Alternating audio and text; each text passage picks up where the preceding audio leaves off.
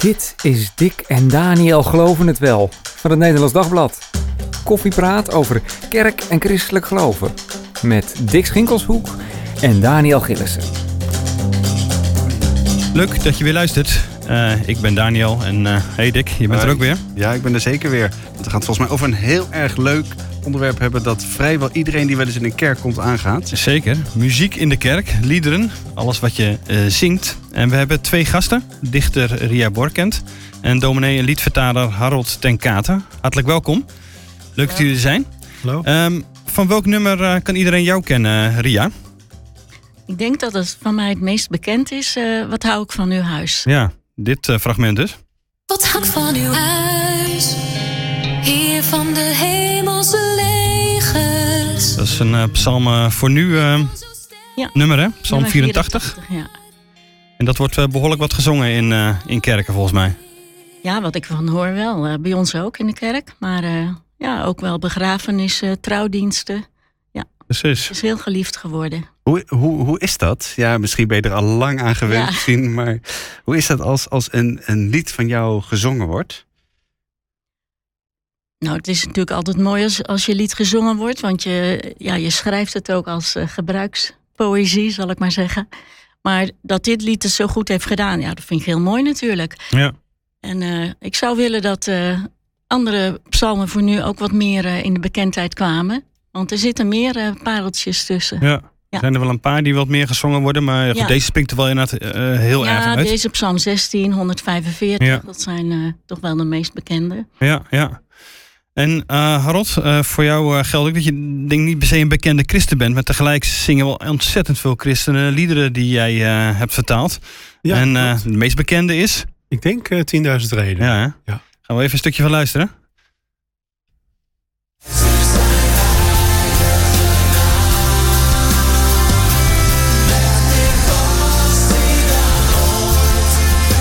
Is meteen ook een beetje het deel waar we ook over gaan praten. Want het gaat ook over ja, kritiek die je op liederen kan hebben. En dan blijkt dat meer passie dan ooit wel iets te zijn waar mensen van denken. Meer passie dan ooit, meer passie dan ooit. Uh, moet dat op deze manier uh, gezongen worden? Kan dat elke keer met meer passie? Goed, uh, gaan we het zo nog uh, verder, uh, verder over hebben. Maar jij vertaalt dus uh, veel, uh, veel liederen? Ja, ik vertaal veel liederen en uh, zo nu en dan schrijf ik ook liederen in samenwerking met uh, Cela bijvoorbeeld. Oh ja. ja. Hoe ben je in dat vertalen gerold? Ja, eigenlijk via via uh, Peter van Essen, die voorheen uh, de opwekking uh, band leidde, zeg maar, zocht op een gegeven moment mensen voor de selectiecommissie.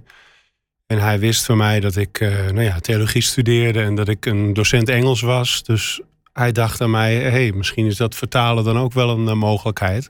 En zo ben ik daar langzamerhand ingerold, zeg maar. Ja. En hoe lang doe je dat nu? Al een heel aantal jaren, toch? Ja, ik denk een jaar of 13, 14. Ja. ja. Nou ja, muziek in de kerk dus, daar gaan we het uh, over hebben. En dan vooral misschien wel over nummers waar je uh, soms kromme tenen van uh, krijgt. Maar tegelijk ook natuurlijk de disclaimer. Muziek is fantastisch, Dick. Ja, absoluut. Er zijn echt liederen die, ik weet niet wat, of dat voor jou ook geldt, Daniel. Ik kan er echt tranen van in mijn ogen krijgen.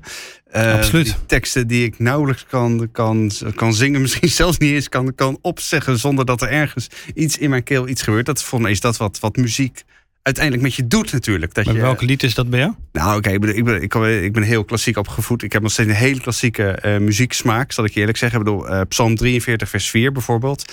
Oude berijming, dan ga ik op tot Gods altaren. Dat vind ik echt, daar kan ik nog steeds bijna niet zonder... Tot God, mijn God, de, de bron van vreugd. De bron van vreugd, ja, dat is, uh, dat is mooi. Maar ook bijvoorbeeld Bach, Bach cantates. Ik, ah, ja. ik heb wel een lijstje met wat ik op een begrafenis gezongen wil hebben. Ja. Voor zover ik daarover ga tegen die tijd. Ja.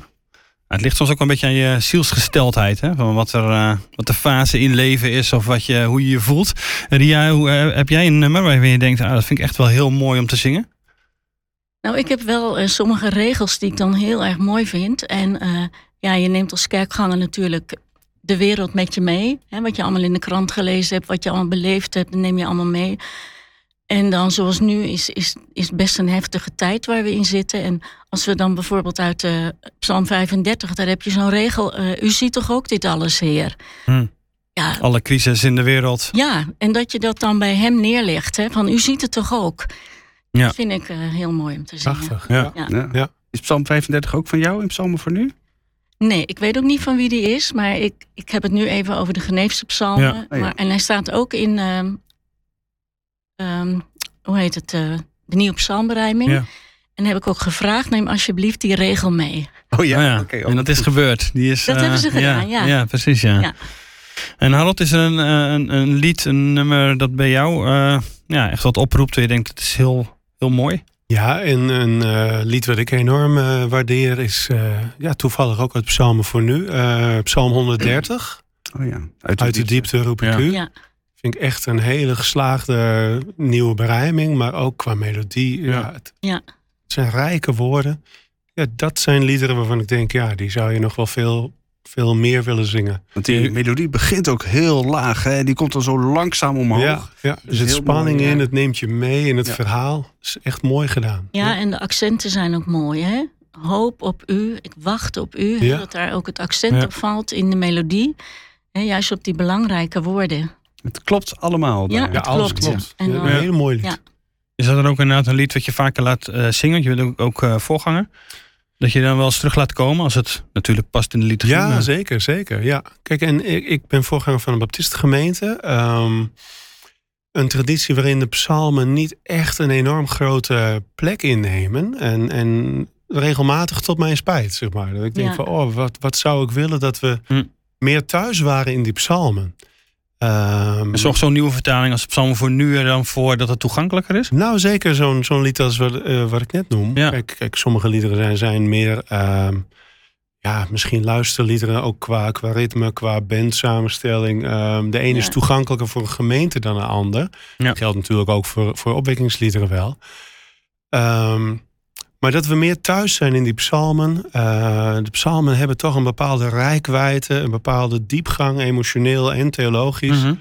Waarvan ik denk, ja, als je, als je daarmee je samenzang voedt en verrijkt, dat, eh, dat brengt zegen, absoluut. En, Zeer waardevol. Wat Ja. je zingt is dus Ja. super belangrijk in een dienst. Ja, Dat ja. Hoorden wij ook van de componisten toen, hè, met Psalmen voor Nu. Dat ze zeiden van, eh, oh, maar wij kennen de psalmen helemaal niet. Hm. En Ja. dat ze toen steeds meer eh, ervan gingen houden. ja, Omdat ze ermee bezig gingen en die teksten onder ogen kregen. Ja. ja. Terwijl natuurlijk in de, de, de- ja, wat je dan zeg maar de, de, de gereformeerde liturgische traditie noemt. Dus die psalmen van ouds heel erg belangrijk zijn. Maar misschien Ja. worden ze daar wel minder dan ooit gezongen. Ja, nu worden ze heel weinig, tenminste. Ik kan natuurlijk alleen praten over waar ik kom. Hè. Dat zijn verschillende kerken wel. Ja, er zijn ook, ook kerken waar alleen maar psalmen... Precies. eh, gezongen maar worden, in, ja. in onze kerken denk ik dat er wel minder psalmen worden gezongen. Dat vind ik ook jammer. En eh, nou ja, de psalmmelodieën, die staan sowieso al onder druk. Mhm. En dat hoor je soms ook. Hè. Dan vliegt de gemeente uit de bocht. Bij Dan weten ze het niet meer. Nee, nou ja, dan lijken twee melodieën veel op Oh ja. elkaar. Dus, maar dat zou vroeger niet gebeuren, want die zaten er zo ingewijd. En dat vind ik wel jammer voor de kinderen ook, voor de nieuwe generaties. Maar vooral ook de inhoud. Ja. Ja, want wat, eh, als je dat zo op, nummer, op noemer moet brengen, wat, wat, wat mis je als kerk als je de psalmen niet meer zingt of bijna niet meer zingt? Nou, de psalmen die zijn heel erg geaard. Hè? Ik bedoel, het zijn wel hemelse dingen, maar ze zijn heel erg geaard in het hier en nu. En in het, eh, het gaat heel vaak over vijandschap, over volken, over de aarde, over achtervolging, over verdrukking, over alles wat dat teweeg brengt. Er wordt wel gezegd, alle emoties zitten erin, maar Mhm. het, het leven zit erin. En het leven met God, maar ook met elkaar. En dat staat heel vaak onder druk. En daar schreeuwen die psalmdichters hun nood over uit. En dat mis ik wel in veel liederen, veel andere soortige liederen, dat ik denk, dat, die zijn prima en mooi. Dat zijn vaak aanbiddingsliederen. Hè, maar we moeten ook die verkondigende liederen Hm. blijven zingen. Want Ja. eh, ja, en ook de klacht, denk ik. de klacht, de- de- dat, de- de dat doet de mensen ook goed. Hè? Als je Ja. zelf Ja. Ja, dingen meemaakt dat je. Nou, dat de gemeente jou dat bij wijze van spreken ook kan toezingen. En dan hoef je Ja. zelf niet eens mee te Nee, zingen. precies. Je geeft weer die eh, woorden aan mensen. Je maakt het mee. En daardoor eh, valt het soort op zijn, zijn plek. Doordat je dat Ja. eh, zingt of met elkaar Ja. zingt. Ja. En de schepping natuurlijk. Hè. We schrijven nu klimaatliederen, maar Psalm 104 bestond al lang. Ja, zeker. Hè? Ja, ja. Dus en die, ja, die is dan te lang, wordt gezegd. Maar dat vind ik jammer. Eh, Doe hem maar gewoon. Ga het nou maar gewoon doen en verzin maar iets met coupletten of Ja, en dan ook in zijn geheel zingen. In zijn geheel, ja. Ja. Nou ja, dat is misschien Als bij de. Geneefse moeilijk. maar ehm, Psalmen voor Nu, ja, die heb ik dan toevallig zelf gemaakt. Ja. Maar daarom weet ik dat ook goed. Maar die heeft ook eh, twee melodieën en een refrein. dus het is heel veel afwisseling. En Ja. dan kun je zo'n psalm als een verhaal zingen. Precies. Ja, dat is mooi. Dat is ook de kracht van, eh, van muziek. En, en goed om daarover te hebben. Ehm, de aanleiding hiervoor, waarom we bij elkaar zitten, heeft dan meer mee te maken met eh, liederen waar je even denkt: oeh, dat is, is dat eh, niet een eh, slechte tekst of had dat had dat niet anders eh, eh, gemoeten? Ehm, dat begon eigenlijk allemaal met een interview met dominee Evert Overeem in het Nederlands Dagblad. En die zei van ja, eh, eh, over het lied wat de toekomst brengen mogen. Van dat krijg ik eigenlijk niet meer uit mijn strot vanwege eh, de zin eh, loop ik met gesloten ogen naar het onbekende land. Zo van ja, je moet toch uit je doppen kijken. Hoezo met ge- gesloten ogen en eh, onbekende land moet dan niet beloofde land zijn. Ehm, laten we even luisteren hoe dat eh, klinkt, dat lied.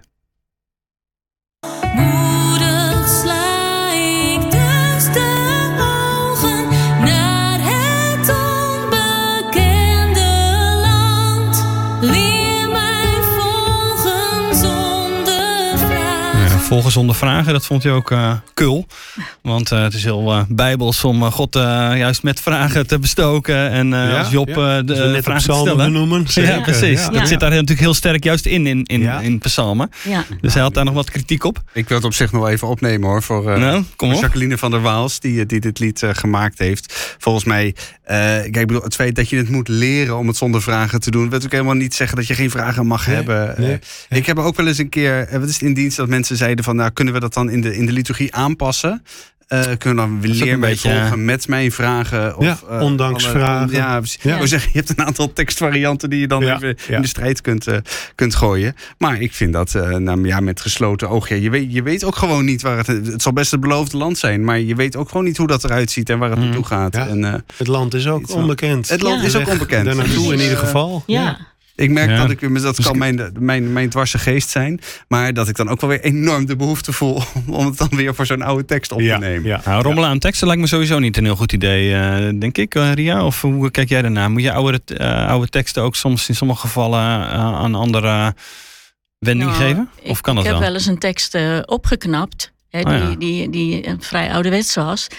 Maar dan is het gewoon ook op verzoek hè, van Ja. een, eh, nou ja, een deputaatschap of zo. Dat ze, dat ze zeggen, wil je die of die tekst... eh, Ja. ja, to- of dat er een heel naar woord precies op een klemtoon staat. Hè, dat, Maar dan, dan doe je het weer niet als, eh, zeg maar, hè, wat, eh, wat Dick Nee. net zei, van eh, de gemeente zegt van kunnen we het even anders nee, zingen? dat moet je niet doen. Dan wordt het Nee. misschien een beetje een uh, Nee, je allegaatje. Nee, Want, Ja. Heb jij niet het, eh, dat, het bekende kindergebed... Ik ga slapen, ik ben Ja. moe, ooit, ooit opgefrist? Ja. ja. Ja, dat was eh, Dagblad De Tijd. Ik weet niet of jullie dat nog kennen. Of Bij de Tijd heette het. Van de Nederlandse Gereformeerde Kerk. Uh-huh. Eh, 1992 of zo, in die tijd. Van, eh, ja, wie helpt ons eens aan een wat meer moderne... Ik ga slapen, ik ben moe. Ja. Nou, toen heb ik iets ingestuurd en die is gepubliceerd. En, En die luidt? ik ga slapen, ik ben moe. Heren, dek mij lekker toe. Met uw liefde warm en zacht. En bewaar mij deze nacht. Ja. Ja. Het is een, eh, voor mij voor een aantal van mijn kinderen een bekend, eh, Ja. bekende versie. Dus dat is, eh, dat is Ik heb nog steeds de oude, de Ja? oude Ja. vertrouwde met mijn kinderen. Ja. Ja. Nou, je ziet hem veel, en dan maken ze er zo'n kaart van in eh, evangelische boekhandels. Ja, precies. Ja. Goed, wij gedachten, we hebben even het overheem die dus eh, klaagde over dat eh, lied. Van we gaan eerst als Nederlands Dagblad eens uitzoeken van hoe, wordt daar verder over gedacht. Er is een oproep op sociale media gedaan. Dat leverde tientallen tot honderden reacties op. En degene die echt nou ja, slecht scoorde was een vaste burcht. Het zogenaamde Lutherlied. ja. Eh, waar eh, de zinnen in een bepaald eh, couplet staan. Delf vrouwen en, eh, vrouw en kinderen het graf. Neem goed en bloed ons af. We zullen daar ook even een eh, stukje van eh, luisteren.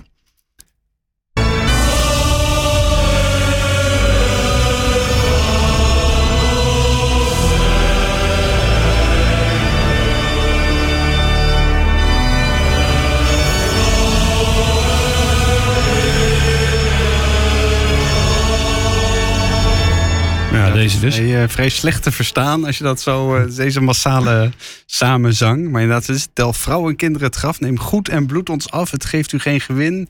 Wij gaan ten hemel in.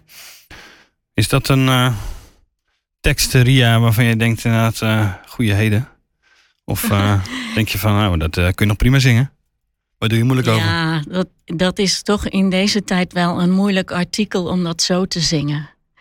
Want iets lezen is toch nog heel anders. En zelfs iets aangezegd krijgen vanaf de preekstoel... Mhm. hè, is, vind ik toch nog wel heel iets anders dan zelf als gemeente eh, dit te moeten zingen. Kijk, ik begrijp ook prima de bedoeling.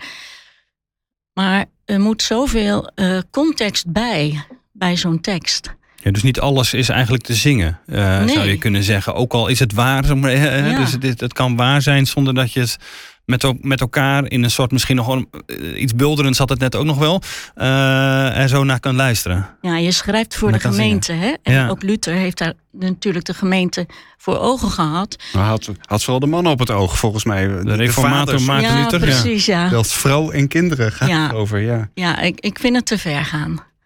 Ja. Zeker voor nu. Nou, het spannende is dat, dat bepaalde liederen vragen inderdaad om uitleg. Vragen Ja. om wat, wat, wat, wat, wat gebeurt er voor het lied, wat, wat volgt er op het lied.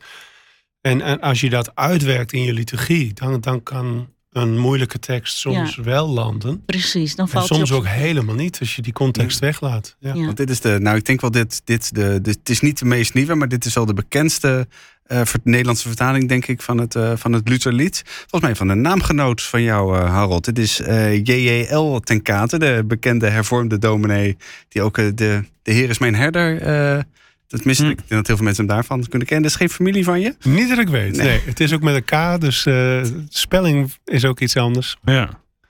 Maar die heeft inderdaad wel meer eh, liederen geschreven. Ja, of in ieder geval versies daarvan. Ehm, hoe, Harold, als jij dus gaat, gaat schrijven, zo'n eh, liederen, eh, eh, of gaat vertalen, hoe gaat dat proces in zijn werk? Hoe pak je zoiets nou aan om uiteindelijk tot een tekst te komen waar je denkt, of een ja, liedtekst dus, van dit is inderdaad goed te zingen? Ja, nou ja, je, het, het maakt al verschil. Moet je een nieuwe tekst schrijven of een bestaande Mhm. tekst vertalen? Hè? Dan, dan ligt er al een verhaal klaar wat, wat ja, getrouw moet worden weergegeven in het Nederlands. Ehm, als, ik, als ik denk aan nieuwe teksten, ja, dan begint het vaak met wat is een thema wat, wat, ja, wat in je hart leeft of waarvan je denkt, hey, dit, dit wordt weinig bezongen. Of misschien is het een thema wat soms wel helemaal het plat gezongen, maar wat weer vraagt om nieuwe woorden. Mhm.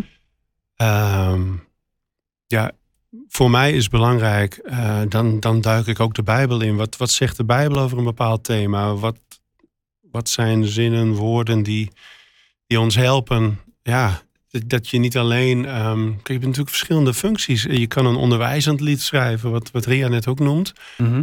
Eh, of het kan een, ja, een gebedslied zijn. Dus al, allerlei dat soort keuzes maak je eigenlijk al voordat je echt losgaat met het uitwerken van een tekst.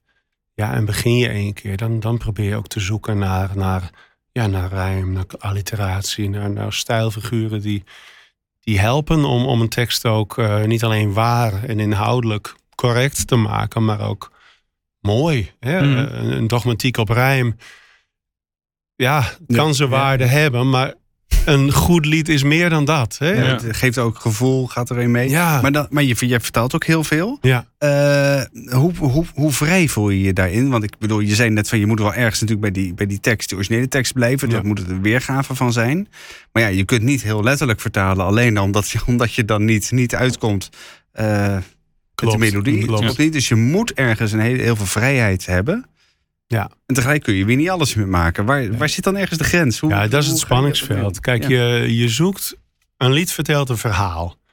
Dat verhaal als geheel wil je zo getrouw mogelijk overbrengen met je nieuwe tekst. Ehm, maar als je iedere tekstregel inderdaad bijna letterlijk probeert te vertalen, dan heb je een onzingbaar geheel. Ehm, dan krijg je ook een tekst die echt ook klinkt als vertaalde tekst in plaats van in ja, enigszins natuurlijk Nederlands.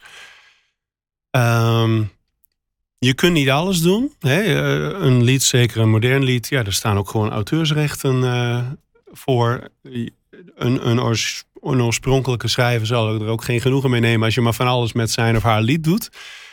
Eh, dus je moet dichtbij blijven, trouw aan. Ja, ik, ik vind in die zin wel mooi hoe de NBV dat ooit zei. eh brontekst, getrouw en. Doeltaalgericht was het, hè? Ja. Nou, dat is, 2004 dat is hebben we een het beetje wat over. je zoekt, hè? Ja, Ja. ja. Ja. Wat heb jij wel eens vertaald, Ria? Ja, ik heb heel veel vertaald. En ehm, te beginnen met de Bach-koralen natuurlijk. Uh, ja, de muziek is vaak helemaal niet van Bach. Van maar een enkele is die van Bach, met al die krullen. Maar uh, Bach heeft op een, op een heel stel uh, liederen uit zijn tijd, de Lutherse traditie, heeft hij uh, koorzettingen gemaakt. En de verzamelnaam is dan Bach-koralen naar die koorzettingen. En het koor zingt ze dan zo vierstemmig op zijn uh, setting. Maar de teksten zijn vaak van Luther, Paul Gerhardt. Dus dat, daar heb ik veel van gemaakt. Een stuk of honderd wel, denk ik. Kijk. En uh, ja, hetzelfde als jij. Je hebt natuurlijk je gereedschapskist, uh, assonanties, de klanken. Maar bij een vertaling heb je ook vaak uh, de muziek al. Mm -hmm. En dat is ook ja, heel fijn. Want dan hoor je hoe de gang van de muziek gaat. En dan kun je je tekst daar naartoe schrijven. En dat vind ik wel fijn, mooi. Maar het is ook heel beperkend. Nou, ik vind het wel mooi. En de, de, de O's en de A's, dus de vocalen, die kun je dan op de lange noten laten vallen. Hè? Maar uh, natuurlijk heb je dat allemaal niet in één keer uh, klaar. Dat is een heel uh, proces om zo'n lied in de verf te krijgen. Wanneer is een lied dan klaar? Wanneer je, nou, oh, ja, je laat het een tijdje liggen en ehm, je, je herleest het bijvoorbeeld al de volgende dag. En dan zie je al direct van, oh, die slotregel, dat, mm, die dat, zint, niet. dat zint me helemaal niet. Hè? Maar dan weet je soms nog niet wat er aan mankeert. Maar dan ga je ermee aan de slag. En dan, ja, dan blijf je toch, ja, je blijft wel een week. In die tijd moest ik het vrij snel af hebben. Per week een lied, een vertaling. Maar je blijft er die hele week wel naar kijken. Ja. Ik zie jou enorm knikken, Harold. Ja, ja. ja schrijven is, is, is schrappen. Dat is natuurlijk een cliché, maar het is Ja. wel zo. Schrappen, Ja. schaven, bijwerken. Ja, En soms heb je een zin waar, eh, waardoor je op gang kwam. Eh, De, de beginzin, zeg maar, in je schrijfproces. Eh, die later dan sneuvelt. Maar die was dan wel nodig om die dat- volgende zin ja, te krijgen. ja, dat heb ik ook een keer gehad. Ik had met zijn timmermansoog, vond ik wel mooi voor Jezus. Maar later sloeg dat nergens meer op. Dus eh, toen Is toch weer eh, Verdwenen. verdwenen. Ja. En een gedicht schrijf je met een gedicht, hè? of vertaal je met een gedicht. Dus eh, je kunt inderdaad niet letterlijk vertalen. Dat, sowieso omdat bijvoorbeeld het Engels heeft eh, veel minder lettergrepen dan het Nederlands. Dus kom je, al heel, Ja. kom je al helemaal niet uit. En het Duits, ja, het is wel ongeveer gelijk qua aantallen. Maar de woorden zijn heel anders. Dus Ja. je- je- Dus gewoon vertalen is het sowieso nooit. Het Nee. is altijd eigenlijk opnieuw dichten ook weer. Ja, opnieuw dichten. En in het geval van, van deze Bachchoralen komt er nog bij dat de ehm, cultuur toen ook heel anders was. Hè? Bijvoorbeeld, als ik dan letterlijk zou vertalen. Ehm, nou, Valet will ich dir geben. Oh, laten we maar zo snel mogelijk sterven, want dan zijn we in de hemel. Hè? Of Jezus aan het kruis. ehm, hier laat ik mij in hete liefde braden. Stond er dan letterlijk. Ah, Kijk, ja, ja, ja, de- ja. dat staat zo ver van ons eh, gevoelsleven af. Dus dat kan niet. Nee, dus dan moet je elke keer weer zoeken naar wat is dan het Nederland- Nederlandse equivalent. En hoe, Ja, nou ja. wat past dan het beste om uiteindelijk dat, die Ja. gevoelswaarde ook eh, te Ja. krijgen die je dan in een andere taal hebt. en ook wat is zijn punt? Hè? Wat wil hij nou Ja. eigenlijk zeggen? En dat punt, dat moet je dan eh, omvormen, hè? herdichten naar, Ja. naar het nieuwe lied. Vandaag, ja precies, dat ook ben je dus weer bij dat Lutherlied van net. eh, Delf vrouwen en kinderen het graf.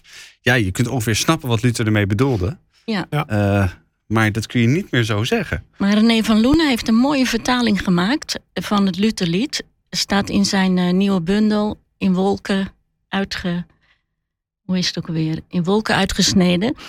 Maar eh, dat, dat is een mooi lied. Ik geloof alleen niet dat hij dit gedeelte heeft meegenomen. Hmm. Maar dat hoeft ook niet, denk ik. Je hoeft niet alles mee te nemen in je vertaling. Nee, waarom niet? Nou, Niet alle elementen, maar je kun je zelfs gewoon tekstelementen laten zitten. Ja, kijk, je hebt eh, vertalingen, eh, vooral die, die oude liederen, die hebben soms dertien coupletten. Nou, dan zie je vaak in de nieuwe bundels, ook in het liedboek, twee of drie coupletten, vier. Vier nog wel eens, Maar, maar, dan houdt veel het wel meer op. niet. Hè? Nee. Dan houdt het wel op. Dus je, je laat dingen liggen, ja. Ehm, als we even specifiek inzoomen op een eh, lied dat ook, eh, net als het Lutherlied vaker genoemd was, was het 10.000 eh, redenen, Harold, waar je een vertaling dus van hebt gemaakt. Wat Ja, die 10.000 is van jou. redenen is. Ja. En toen Meer culpa. nou, ja, nou ja, dat valt voor mij ook wel weer mee. Want mensen zeggen ook, hè, het was meteen geliefd. Hè, toen het uitkwam in 2011. eh, mensen vonden het fantastisch. Tegelijk wordt het ook door lezers als een soort het struikelblok genoemd. Vooral het zinnetje dus waar we het net over hadden al met meer passie dan ooit. Sing like never before in het, eh, in het Engels. Ehm, en iemand zei inderdaad, eh, een van de lezers, van kun je dit lied dan elke keer met nog meer passie zingen? Hoe, hoe, heb jij dat bedoeld, eh, Harold? Ja, ja, ik voel hem helemaal mee. Datzelfde heb ik af en toe met, een- met een lied wat ik ook prachtig vind. Mijn Jezus, ik hou van u. Ja. Ja, die kwam volgens mij ook voorbij. Ehm, Nee, die is ook genoemd. een schitterend lezers, lied ja. waar dan steeds die ene regel in zit van ik heb van u gehouden, maar nooit zoveel als nu. Ja. Ja. En eigenlijk een beetje vergelijkbaar Ja. Met, Ja. met de regel die je net aanhaalt. De Ja. volgende keer moet het nog weer meer zijn dan. Nou, ik heb met dat lied altijd die moeite gehad dat ik die regel ook regelmatig niet meezong. Ik heb ooit zelfs eens heel zachtjes eerlijk eh, meegezongen. Ik heb van u gehouden, maar wel eens meer dan nu. maar dat, Dat kan ook toch nog. ook geen verbetering. Ja. Dat doe je dan stilletjes klopt wel in de- precies, in de hè, toch, geloof ik. eh, voor Ja. jezelf. Ja. Uh, maar dat zal ik niet voor publicatie aanbevelen. nee, Hoe zei je dat nou? Ik wou zeggen, misschien vinden luisteraars het wel leuk om nog eens even te onthouden. ik heb van u gehouden, Gehouden. maar wel eens meer dan nu. Wel iets meer dan nu. Ja. Ja. Maar ergens vind ik dat ook weer de spanning. Kijk, je kan zeggen, ja, zo'n Mhm. zin is niet altijd waar. Hè? Eh, maar nooit zoveel als nu. Ja, je bent niet altijd op die piek. En datzelfde geldt natuurlijk voor deze tekstregel. Meer passie dan ooit. Ja, ja. Eh, tegelijkertijd, wat, wat mij dan wel weer ook eh, triggert, is dat het mij ook weer bij, erbij bepaalt. Hé, maar waarom kan ik soms zo'n zin niet zingen? Waarom kan ik vandaag niet zingen, ik heb van u gehouden, maar nooit zoveel als nu? Is dat puur omdat het niet altijd waar is? Maar waarom is het vandaag niet waar? Hm. hey, hoe, hoe, hoe is het met mijn stille tijd de laatste tijd geweest? Hoe is het met mijn gebedsleven? Eh, waarom is een, ja, een bepaalde eh, nabijheid of een bepaalde liefde voor de Heer nu misschien zwakker dan een periode geleden? En kan ik daar ook iets aan doen? Ja, precies. Dus Hè? je niet eh, de, de irritatie terug laat slaan op het lied, maar dat je even gaat nadenken van waarom eh, irriteert mij, mij dit en Ja, eh, welke ja. les is dat of zo. Ja, zonder dat het allemaal maakbaar is, uiteraard. Hè, dat snap je. Maar ja, het, het, het kan je ook weer, het kan mij in ieder geval soms ook weer ergens toe zetten. Ja, hey, ja. Ach, misschien moet ik er weer wat mee. Ja. Een klein verschil met ehm, de regel uit 10.000 redenen is denk ik dat dat niet een bewering is van nou, ik, ik zal het nou nog even weer. Maar je roept jezelf ergens toe op, hè? Dus het kan ook, eh, het kan, ja, ik denk dat het soms helpt om, om je ziel aan te spreken. Hè? Wat, wat natuurlijk in Psalm 42 zo prachtig gebeurt. Hè? Wat, wat ben je nou onrustig en bedroefd in mij? Vestig je hoop nou weer op God. Ehm, Dat je zelf die passie een beetje inzingt, zeg maar. nou, dat je jezelf er weer toe aanmoedigt Hm. of zo. Ja. Hoe, hoe is dat om, eh, om kritiek te krijgen op nummers die je geschreven hebt of vertaald? ja, is natuurlijk altijd een beetje spannend. Eh, ik denk dat Reer dat wel kan beamen. Eh, kijk, aan de ene kant voor mij is... Ik wil openstaan voor, voor opbouwende kritiek. Weet je, overal waar je van kan leren is, is wel eh, welkom. Ehm, soms, soms maakt het dan ook uit wie het zegt. Ik kan Mhm. me voorstellen als...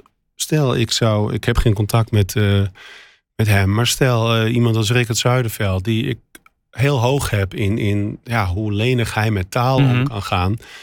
die zou eens een keer feedback geven op een van mijn teksten. Nou, dan zijn mijn oortjes heel, heel wijd open, zeg maar. Dan wil Ja. ik graag van leren van zo iemand. Ehm, aan de andere kant, ja, je weet ook zodra je maar iets schrijft... en daar, ja, dat het land instuurt... Er zullen ook altijd mensen zijn die hebben altijd wat. Ja, want het zijn En- natuurlijk eh, publieke teksten dan. Op het, moment, op het moment dat je het uitbrengt, is het eigenlijk al niet meer van jou. Want dan gaat het de kerk in. En Ja. iedereen vindt er wat van, doet er wat mee. eh, Ja, ja. Heeft daar gevoelens bij, associaties bij. En eigenlijk ben je het gewoon kwijt dan. Ja, ja.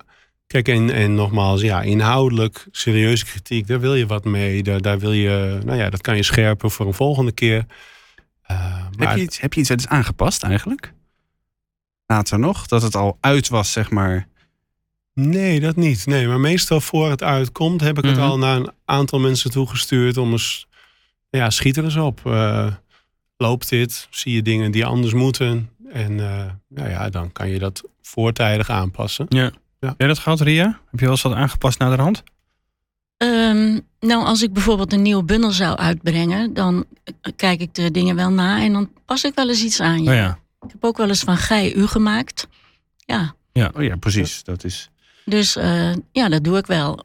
Maar ik probeer toch wel bij de originele teksten zo dicht mogelijk te blijven en niet alles te gaan veranderen. Want Ja. dit kan ook heel storend zijn. Hè? Ja. Ja, Dan krijg je verschillende versies en dat eh, is Ja. ook niet fijn. Ik denk dat mensen dat toch al best wel vaak in de kerk het gevoel hebben van: hé, hey, in welke versie zingen we deze psalm, dit lied, eh, nu weer? Ja. Is het, eh, Precies. is het alweer anders? Ja. Ja. je hebt toch ooit ook de, de, de Matthäus Passion Ja. vertaald? Ja. Ik kan me voorstellen dat dat voor sommige mensen ja, bijna iets heiligs is. Daar blijf je af of zo. Ja, dat is ook cultuur, hè? Ja, dat je hem in het. Duits zingt. Ja, ja. En in het Nederlands komen die teksten veel dichterbij. En dat, dat eh, roept verschillende reacties op. ja. Sommigen zeggen, ja, het moet in het Duits. Want anders kan ik dit ik niet ben ook zingen. nog van die school Ja. hoor, zal ik je Ja, eerlijk zeggen. ja, maar ook omdat Ja. ze het niet kunnen zingen. Want dan, dan komt het te dichtbij en dan... Maar dan wordt eh, het te groot. nou ja, dan zing je over zonde en dat heb ik Ja. gedaan en die straf heb ik verdiend. En dan zeggen ze, ja, maar die straf heb ik helemaal niet verdiend. Ja, in het Duits wel. In het Duits is het makkelijker om dat te zeggen in een Maar taal in het van Nederlands, dan... eh, ja, om- precies. Om, om, om ik te zeggen dan ik. Ja, Ja. dan, dan, Ja. dan zing je het, nou ja, inderdaad als cultuur. Maar in het Nederlands zing je, dan eigen je toch die tekst meer toe. ja. Kom En dan- dichterbij. En dan is het de vraag, kan ik dit met hart en ziel zingen? Mhm. en, en ja, is dit hoe ik voor de Heer sta? Ja. Is dat, in, Ja. is dat in het Engels ook zo, Harold? Oh, zeker. Ja, ik, ik, ik vind het soms wel grappig om dan te merken dat je een, een lied vertaalt. Eh, wat, wat, en dan hoor je soms een reactie van mensen die het lied in het Engels gewend waren en, en helemaal omarmen. Ja, En dan horen ze een tekst die dan vertaald is. En soms is dat een tekst die, die nou heel dicht bij het oorspronkelijke Engels is gebleven. En toch zeggen mensen dan van ja, dit, dit, dit, haak, dit haakt niet aan of zo. Ja. Hm. Ehm, en dat mag, hè, dat kan een kwestie gewoon Ja. van smaak zijn. Maar soms betrap ik mensen er ook op dat ze er eigenlijk onuitgesproken zeggen: hey, mijn Engels is eigenlijk helemaal niet zo goed. Ik vond het een heerlijk lied om te zingen, maar nou ik echt Nu die tekst in mijn echt, eigen eh, echt taal hoor. zeg, Ja. ja, eh, Ja. vind ik dat misschien Ja. helemaal niet zo. Ja. Of, of, ja. dus soms is het gewoon, je bent het één gewend en, en ja, Ja. welke bewerking dan ook is gek. Maar soms is het ook dat je pas in vertaling eigenlijk hoort waar het lied Ja. echt over gaat. En sommigen vinden dat juist ook heel erg mooi, hè? Ja, Ja, nu komt het binnen. precies. Ja. Ja. Ik had het trouwens zo met, eh, met psalmen voor nu, met een heel aantal psalmen. Ja. Die ik vooral natuurlijk in oude, die oude Geneefse melodieën, de oude, Ja. oude berijming kende. En de- ik dacht altijd dat ik best wel snapte wat daar stond. Maar als er dan ineens, als je ineens zingt, wat is het? Ik weet niet eens meer welke psalm het precies is. Psalmen voor nu eh, slaan ze de tanden uit de bek. En ik, nou, dat stond volgens mij niet in mijn oude psalmboekje. Maar misschien is dat, was dat wel gewoon bedoeld. En Slaan die- ze de tanden uit, ja. Ja. Die bek vol leugens, ja. Maar inderdaad, het, het komt veel, en we hebben dat ook gezien op concerten... dat de kleine jongetjes staan te bladeren van... hè, staat dit in de psalmen? Ja, dat staat in de psalmen. Ja. Ze zijn eigenlijk veel rauwer dan veel liederen die we nu schrijven. Ja. Hè? Ja. Ook Ja. in hun taalgebruik. Nou, dat Ja. zei ik net, dat aards. hè. Ze aarden heel erg. En, nou, dat hebben we wel nodig. Maar wat tegelijk opvalt is dat het is uit de reactie die we dus gekregen hebben op deze vraag van hey, wat zie je niet zo, eh, zo graag. Dat er het veel om Engelstalige, oorspronkelijk Engelstalige nummers gaat waar dan de kritiek eh, op komt. Dus het heeft toch ergens met die vertaling Ja. die iets dan doet, blijkbaar. Maar of het komt er dichtbij, of het zit er niet dicht genoeg bij de oorspronkelijke tekst, of wat dan ook, die ergens. Beide komt voor, denk ik. Want Dan, het gaat ja. over de top, hè? Ja, Het gaat nou, over de top. Nederlanders zijn vrij nuchter. En we willen natuurlijk wel in onze ziel geraakt worden, maar niet zo dat, ja, dat, we, dat we denken, nu overschreeuw ik mezelf. Ja, Dan komt die hele Amerikaanse context snel Juist, mee ja, waarschijnlijk. Die ja. natuurlijk sowieso al vaak wat, wat hoger in de emotie Ja. zit. En ook beloftes die je dan doet in bepaalde teksten. Hè? Ik zal altijd dit, of wij breken door, de, door muren heen. is het allemaal iets te groot en te, Ja. en te pompeus, zeg Ja. maar. Ja. Juist. Ja. Precies. En Want is er is ook iets, eh, er is ook iets met een strandhuis. Er is Dat ook iets met een dat is strandhuis. heel- Dat, is, dat vind ik namelijk echt heel grappig. Naar de kust waar u woont. Ja, precies. Wat ik wou zeggen, als je het dan hebt over vertaalde liederen waar mensen op reageerden, was dit er volgens mij echt ook wel eentje. Eh, Laten we even luisteren. leg even uit. Ja.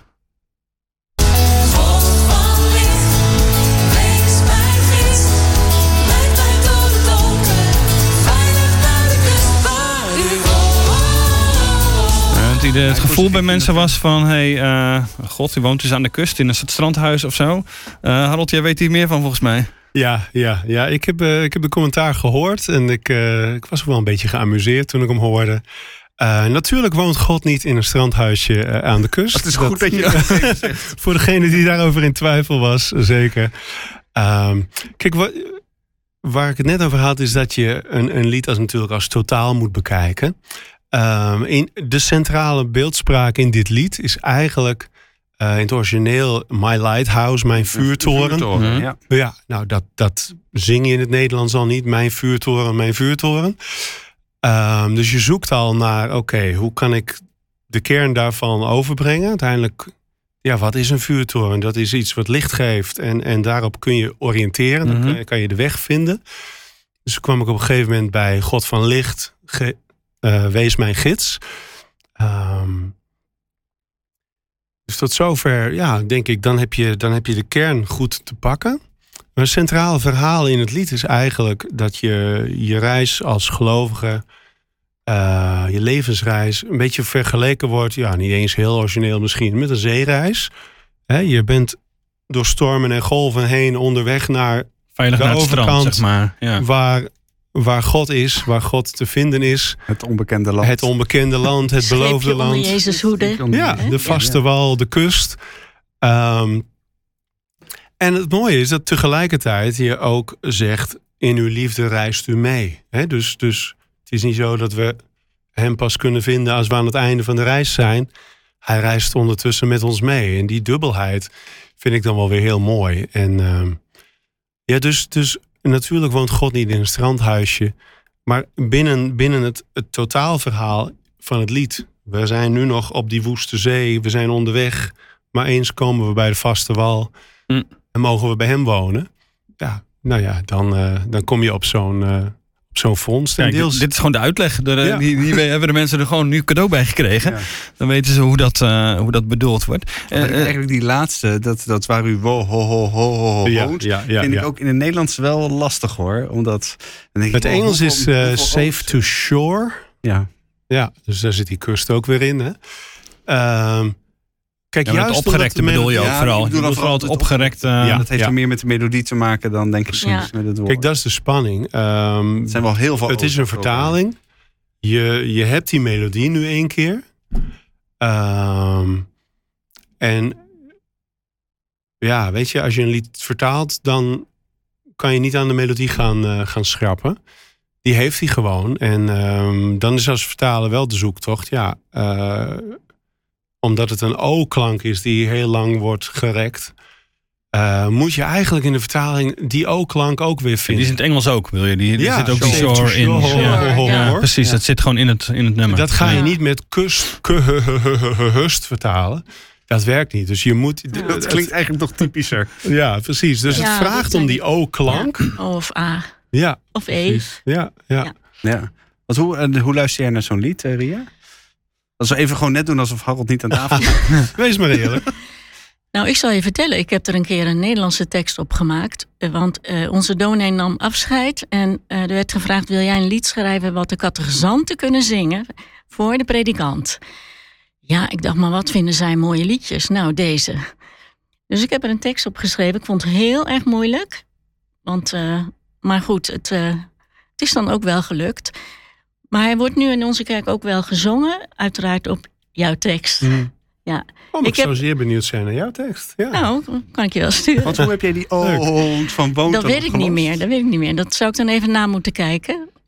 Maar eh, ik vond het wel een- goed te doen ook hoor. Maar, maar meer het onderwerp dat catechizanten hun dominee bedanken.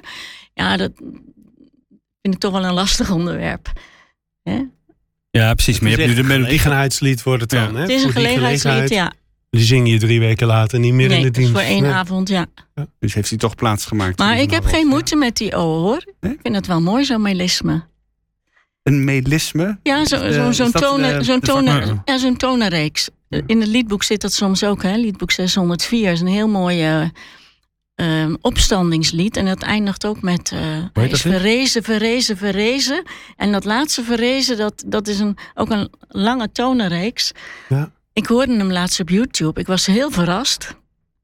Dus Oké, dus dat, dat, dat dat is niet, eh, niet per se Nee. een, eh, problematisch. Nou, ik denk Voor aan mij het niet. Gloria Ja, in ik zeggen, kerstlied. kerst toe. Oh, alsjeblieft. Ja. Nou ja, Oh, eh, dat vind ik mooi. ja? Dat, dat vind ik wel mooi. herhaling hebben mensen meer moeite mee. Dat een lied, een, een, refrein heel vaak hetzelfde zinnetje verhaalt. Want, Krijg je herhaalt met TC-liederen bijvoorbeeld uh, ziet. Ja, En nou ook wel een aantal opwekkingsliederen. Ja, dat is nog wat meer meditatief. Maar in, Ja, ja. De, in de kerkdienst, eh, dan is het toch moeilijk de intensiteit vast te houden. Ja. En daar hoor ik nog wel eens eh, geklaag over. Heb jij, Ria, wel eens kritiek op, op eh, teksten van jou gehad? Waar je denkt, hey, dat herinner ik me inderdaad nog. eh, iemand zei, nou ja, iets over, jou, over jouw teksten? Ja, ik had een eh, kinderlied voor kerst. En eh, Maria was met Jozef naar Bethlehem gekomen. De mensen zeiden al, wie geeft die arme schapen een plekje om te slapen? Ze sliep in de stal. Nou goed, en dan wordt het kind geboren en dan... Dat leek mij wel mooi. Ik dacht, ik laat de kinderen in de wieg kijken... en dat ze dan eh, kijken op wie lijkt hij. Hè? Op zijn vader of op zijn moeder. Dus hij lijkt op jou, zei Jozef. Het neusje en die ogen, die donker zijn als wijn. Hij leek ook op zijn vader, maar dat zag je pas later, wanneer hij groot zou zijn. Nou, dat lied was dus geselecteerd door een bepaalde commissie en kwam ook bij deputaten eredienst of kerkmuziek. En, Een soort eh, commissie binnen de kerk. hè, commissie die binnen daar, de eh, kerk. En eh, was, het werd niet Ja. aangenomen, want dat was fantasie van de dichter. hmm. Eh, het neusje en die ogen die donker zijn als zijn. Nou, ik, ik zag het zelf helemaal niet als fantasie. Want ik had net als jij ook in de Bijbel gebladerd. Wat ik natuurlijk ook altijd doe bij het maken van een lied. En ik had ontdekt van... nou ja, in, de eerste plaats de neus. Hè, eh, eh, Jezus is een Joods kind. Dus dat wilde ik daarmee gezegd hebben. Ik heb het later wel veranderd. Want ik dacht, als niemand het snapt, werkt het ook niet. Hè? Dat is schrijven voor de gemeente. Het moet, het moet toch wel gedragen kunnen worden, zo'n lied door de gemeente. Een Joodse neus zou nu zou haast antisemitisch eh, genoemd kunnen worden. Maar dat bedoelde je natuurlijk niet. Nee, nou precies, maar dat zijn wel hele delicate dingen dan. Maar goed, hoe ging het verder? En die ogen die donker Mhm. zijn als wijn. Ik heb er nu staan. Hij lijkt op jou, zei Jozef. Hij heeft zijn moeders ogen die donker zijn als wijn. En dat komt Oh, uit ja. eh, de zegen die eh, Jacob geeft aan Juda. Dat is die oude tekst van de scepter zal van Juda niet wijken. eh, totdat Silo komt, hè, waar Christus mee bedoeld wordt. En dan staat dus een, een witter dan melk zijn zijn tanden en donkerder dan wijn zijn ogen. Ah. Dacht ik, oh, dat- ja. ik dacht, dat vind ik zo mooi. Dat, je zou het kunnen lezen als iets over het uiterlijk van Jezus. Hè? Ik weet niet of je het zo mag lezen, maar zo las ik het in elk geval. En ik Ja. dacht, nou, hij heeft zijn moeders ogen. Maar waar het om gaat, dat is natuurlijk hè, de menswording van God. Daar wil, en dat is een heel groot Mhm. mysterie. En dat vind ik dan mooi voor mezelf als uitdaging van... Nou, is, is er nou iets voor een kind ook te bedenken van dat mysterie? God werd mens. Het woord is mens geworden. Dus daarom dacht ik, ik laat ze in de wieg kijken, in de kribben van eh, op wie lijkt het kind. Maar daar kwam dus dan die kritiek op. En dat vond ik wel hele mooie kritiek. Ja, het hoort Ja. er ook wel weer bij. Ja, dat is met zo'n tekst, dan Ja. krijg je ook die kritiek en dan wordt het op een bepaalde manier eh, gezien en gelezen. Ja, En je zegt, het moet wel begrepen worden. Ja, het moet wel gedragen kunnen worden. Kijk, het, is niet, het kan niet zijn, eh, hoe, hoe is het zinnetje, de allerindividueelste expressie van de allerindividueelste Individueelste emotie. Mhm. Dat, dat, dat kan een kerklied nooit zijn, een gedicht wel. Maar, maar een kerklied nooit. Ja, want- omdat je het dan gezamenlijk zingt. Het is Ja. iets van de gemeente En met de gemeente elkaar. is ook heel divers. Hè? Daarom, daarom moet de kerkzang ook breed zijn. Er moeten Mm. heel veel soorten liederen hè, moeten aangeheven kunnen worden. Want je hebt zoveel verschillende mensen in de kerk. Want daarom hebben we ook twee verschillende dichters hier aan tafel. Ja, Die zijn allebei daarin anders, Ja, denk ik. Hè? ja.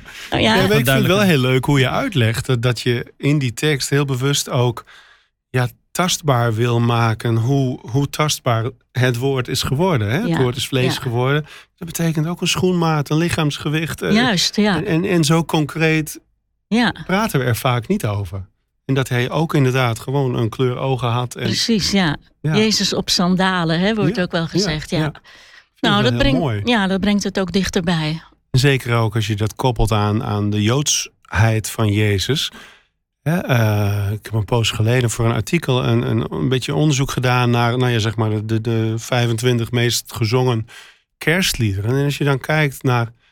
eh, komt de Joodse identiteit van Jezus nou eigenlijk überhaupt nog tot uiting in die kerstliederen die wij zoveel zingen? Nou, bijna helemaal Ja. niet. Nee. En dat is dan best boeiend dat je op Ja, die manier toch dat probeert mee te nemen.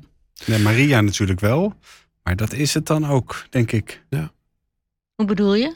Nou, dat bedoel Maria als, als Joodse vrouw, dat wordt niet nergens zo benoemd. Maar dat is natuurlijk de. Ja, Maria speelt een rol in kerstliederen, maar verder, verder niet. Enkele keer nog eh, ja, de stad van koning David of zo. Ja. Dat het toch, maar dat is meer decor, achtergrond, dan dat het echt theologisch wordt verankerd in ja, de, de, de, de beloften uit het Oude Testament. Het is ook wel opvallend dat van de, de liederen die Lucas weergeeft, hè, de Magnificat en, en eh, het lied van, van, van Simeon en van ehm Zacharias. Daar zijn heus bewerkingen van die prachtig en goed geslaagd zijn. Maar worden ze nou echt zoveel gezongen? Nou, veel minder dan bijvoorbeeld eh, het eren zij God van de engelen. Die, Ja. die komt in, in tug kerstliederen voorbij. nou ja, dat Ehm, bedoelde ik net ook met hou de kerkzang breed. Ja, Hè, dus eh, ik besef dat de gemeente een heel, heel ja, breed lichaam is. Hè. Kijk maar naar Ja. 1 Korinthe 12 over de gemeente. Eh, Maar er, is, er zijn ook heel veel verschillende eh, liedsoorten. Er zijn heel veel bundels. En je hebt dan nog internet, waar ook heel veel op staat. Dat je je niet beperkt tot één bron. Maar dat je meerdere bronnen eh, laat klinken. En dat, eh, Wat, wat zie je dat onder druk staan? Die breedte? Ja, die zie ik wel een beetje onder druk staan. Als, als een muziekgroep zegt van... nou, daar hebben we niet zoveel mee, dus die doen we niet. Hmm. Dan denk ik, ben je dan dienstbaar? Muziekgroepen zijn heel dienstbaar. Hè? Want ze, Ja. ze oefenen en ze eh, spelen prachtig. En we mogen ontzettend blij ermee zijn. Dus in jouw gereformeerde traditie was misschien eerder wat smal met psalmen en een deel van de gezangen. Ja, En gaat het nu weer naar een andere eh, versmalling, zeg maar. Waarbij de psalmen en gezangen dan weer eh, niet gespeeld of gezongen worden. minder, ja. Minder. En dat is wel jammer. Want die brengen juist die verbinding tot stand tussen Oude en Nieuwe Testament ook. En, en ook het verkondigende lied. Het lied als, als verhaal. Ja. Hè, Als je zegt de psalmen zijn altijd voorbeeldliederen. Dan kun je kijken hoe zien die psalmen er dan uit. Nou, dat is vaak een verhaal. Ja. Hè? zeker. Ja, ja. En, en in, in de context van dat verhaal staat dan de lofprijzing. Ja. Ja. Dus die aanbidding die, die moet er wel zijn, ook in die verkondigende liederen. Maar dan heb je eerst het verhaal en in het kader daarvan de aanbidding aan het eind. ja. Ja. Ja. Voor Cela heb ik ooit eh, een bewerking gemaakt van... eh, het lied is eh, gaan heten Nu laat u mij in vrede gaan. Hè? Het lied Oh van ja. Simeon. Simeon, ja. Eh, omdat ik dacht, ja, ik ken geen enkel lied wat gebaseerd is op, op dat lied. Of Alleen het, op het dat- gezang, zeg maar. De, Ja. de enige gezangen hadden wij Ja, vroeger eh, ja, in ja. mijn reformatorische Ja. opvoeding. Ja. zongen wij die dus wel dan met kerst. Ja, Ja, wij ja. ook, ja. Maar dan, dan Ja. stap je inderdaad met zo'n lied stap je in het verhaal. Ja. In plaats van dat je alleen maar reageert, maar emotie, lofprijzing. Stap eerst het verhaal Ja. eens binnen. Vertel Ja. al zingend. En dat Ja. is ook heel belangrijk, want ik heb ook een tijd catechese gegeven. En dan merk je dat tieners, dan ga ik ervan uit, ze kennen dat verhaal wel. Oh, dat is zo bekend. Maar dan hebben ze daarna een verwerking. Maar dan kunnen ze dat soms niet maken.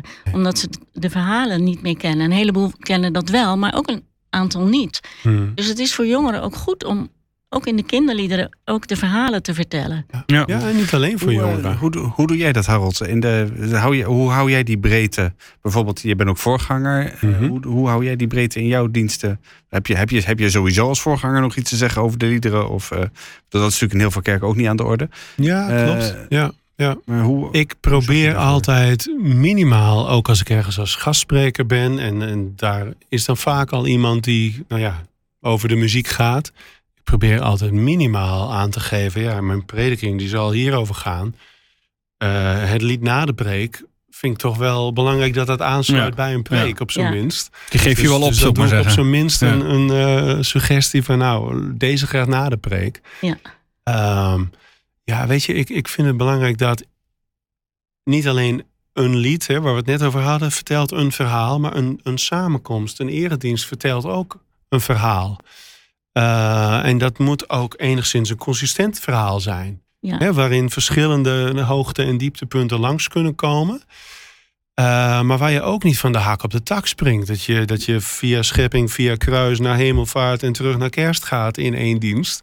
Dat is wellicht ook een beetje wat rommelig. Hè? Als Ja. een dienst overal Ja. over gaat, dan gaat hij nergens meer over. Daar ben ik het helemaal mee eens. Je hebt een bepaalde spanningsboog, hè? een Ja. lijn. In je dienst. En daar moet ruimte in zijn voor, voor enthousiaste lofprijzing, maar ook voor die verstilling. Ook voor de voorbeden, voor de klacht, voor het, het zoekende ja. gebed. Ehm, Even tot slot. Om deze, dit gesprek eh, helaas toch te onder, moeten onderbreken en dat beëindigen. Als je eh, eh, in de kerk zit en er wordt een lied gezongen waar je denkt: alle mensen, moet dit nou? En dat kan ik eigenlijk niet goed meezingen. Wat is jullie tip? Wat, wat heb je dan te doen als, als kerkganger? Meteen een brief naar de kerkraad schrijven of... Of gewoon je mond houden? Of kun je nog iets anders? Denk je, oké, laat het los. Toen was het stil. soms, soms is het goed om jezelf eerst eens af te vragen: waarom stuit het mij tegen de borst? Is dat werkelijk omdat er inhoudelijk iets staat wat botst met mijn diepste overtuigingen? Of is het eigenlijk stiekem gewoon een kwestie van smaak? Ehm, een andere vraag, weet je, ik heb mijzelf heel lang geleden al voorgenomen na een dienst bij de koffie zal ik nooit kritiek hebben op de dienst. Want dan beroof ik iemand anders van de zegen die hij of zij heeft ontvangen in de Ja. dienst. Ehm, dat een bepaald lied aan mij niet besteed is. Terwijl ik drie bankjes eh, verderop iemand zie die tot tranen toe geroerd is. Dan zeg ik, nou, dat lied was misschien vanmorgen voor deze persoon. Prachtig. en even Ja. niet voor jou. En even niet voor mij. Nee. En het volgende lied misschien weer wel. Nou, zo denk ik er ook over. eh, vooral na de dienst. Hè, dan kun je wel napraten over de preek. En ook wel over de liederen, maar niet in, niet in kritische zin. Ook al zou je dat zijn, dan moet je dat op een andere manier, eh ander moment ook eh, naar voren brengen. En gewoon er met elkaar over hebben. Maar ik zal dat niet gauw doen. Ik heb het in het verleden wel gedaan, maar ik laat het los. Dat is de les voor, Ja. voor nu. Ik, ik, Ja. ik, nee, ik, ik zal dat niet gauw doen. Mooi, hartelijk dank voor, eh, voor jullie woorden hierover. En, eh, de- en de kennis en kunde die jullie me- mee hebben gebracht aan deze tafel. Eh, Harold, eh, Ria, hartelijk dank. Volgende week, eh, Dick, praten wij met eh Bert-Jan Lietaert Peer Bolten. Hè, die alles weet van het Nieuwe Testament. We Ja, gaan klopt. Hoogleraar. We gaan het over kerst hebben. kerst hebben. Mm. En eh, we zijn ook heel erg benieuwd eh, wat jij als luisteraar allemaal voor vragen rond kerst en rond het kerstverhaal, zoals dat in de Bijbel, misschien wel de kerstverhalen moet je natuurlijk zeggen, die in de Bijbel staan, eh, verteld aan het begin van het Nieuwe Testament. Hoe zit Heb het daar, precies? eh, precies. Heb jij daar vragen over als luisteraar? Mail ons dan. Eh, laat dat weten via Dick en Daniel eh, nd.nl. Zijn we erg benieuwd naar. Dan kunnen we die volgende week met dus die Bertjan eh, Lita Peerbolt, die er alles van weet, met hem bespreken. Precies. En wil jij meer weten over alles wat we hier besproken hebben, de artikelen lezen die er ook over geschreven zijn, kijk dan op nd.nl. En heb je geen abonnement? Nou ja, dan snel naar nd.nl slash abonnement. Dat steunt ook ons als podcastmakers, want we maken dit natuurlijk gewoon gratis voor jou. Maar het is fijn als je ons steunt en dat kan door een abonnement te nemen. En tot eh, volgende week.